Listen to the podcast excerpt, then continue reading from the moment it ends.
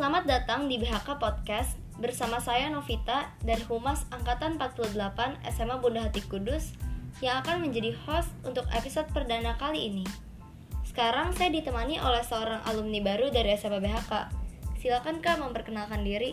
Hai, nama aku Cecilia Natasha Rahman, biasa dipanggil Cecil.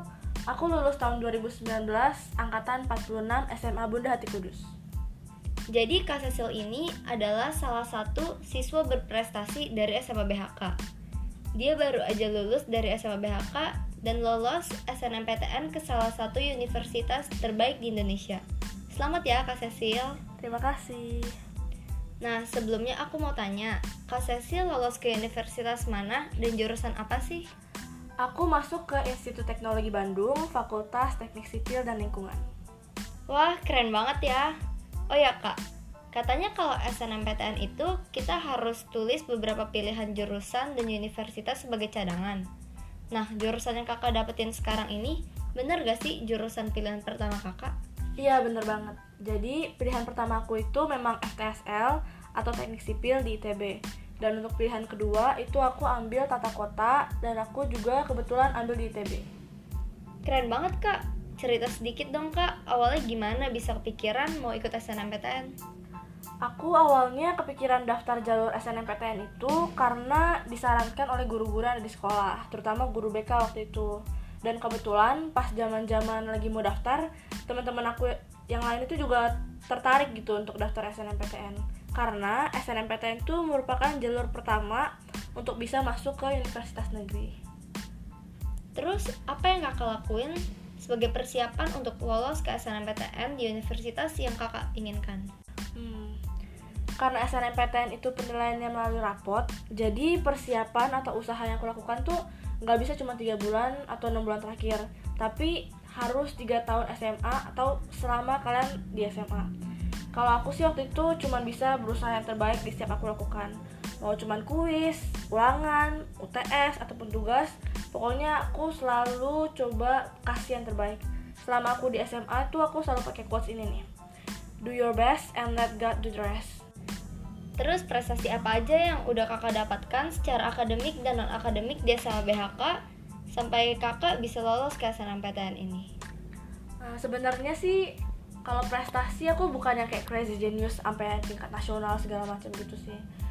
Aku paling kalau selama SMA itu aku ikut lomba debat gitu, lomba debat. Terus aku pernah berapa dua kali ikut OSN biologi.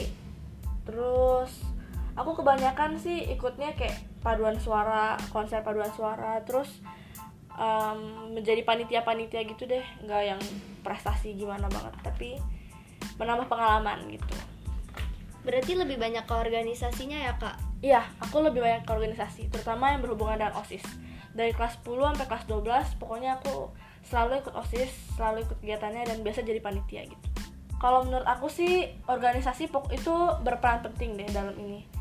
Gitu.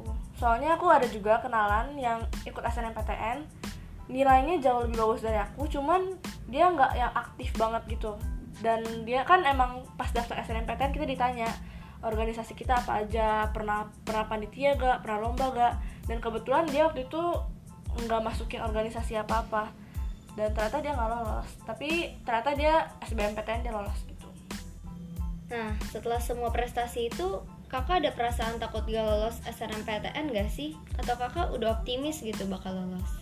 Takut sih pasti ada. Karena kan aku tahu di luar sana tuh banyak yang jauh lebih pintar daripada aku cuman aku selalu berusaha untuk optimis dan percaya kalau misalnya yang lain bisa kenapa aku enggak gitu.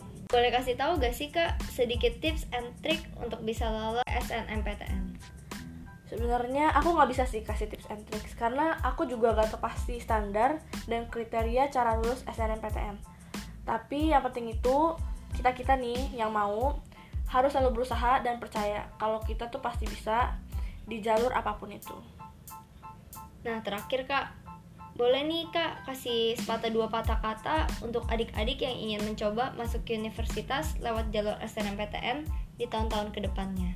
Pokoknya bagi adik-adik atau siapa pun itu pejuang-pejuang PTN, kalian harus percaya kalian bisa sesusah apa pun itu soalnya atau standar tinggi, pokoknya percaya aja kalau kalian bisa dan usaha itu tidak akan membohongi hasil terus berusaha berdoa dan pokoknya percaya deh kalau yang lain bisa kenapa kalian enggak gitu semangat ya Terima kasih banyak Kak Cecil atas waktunya.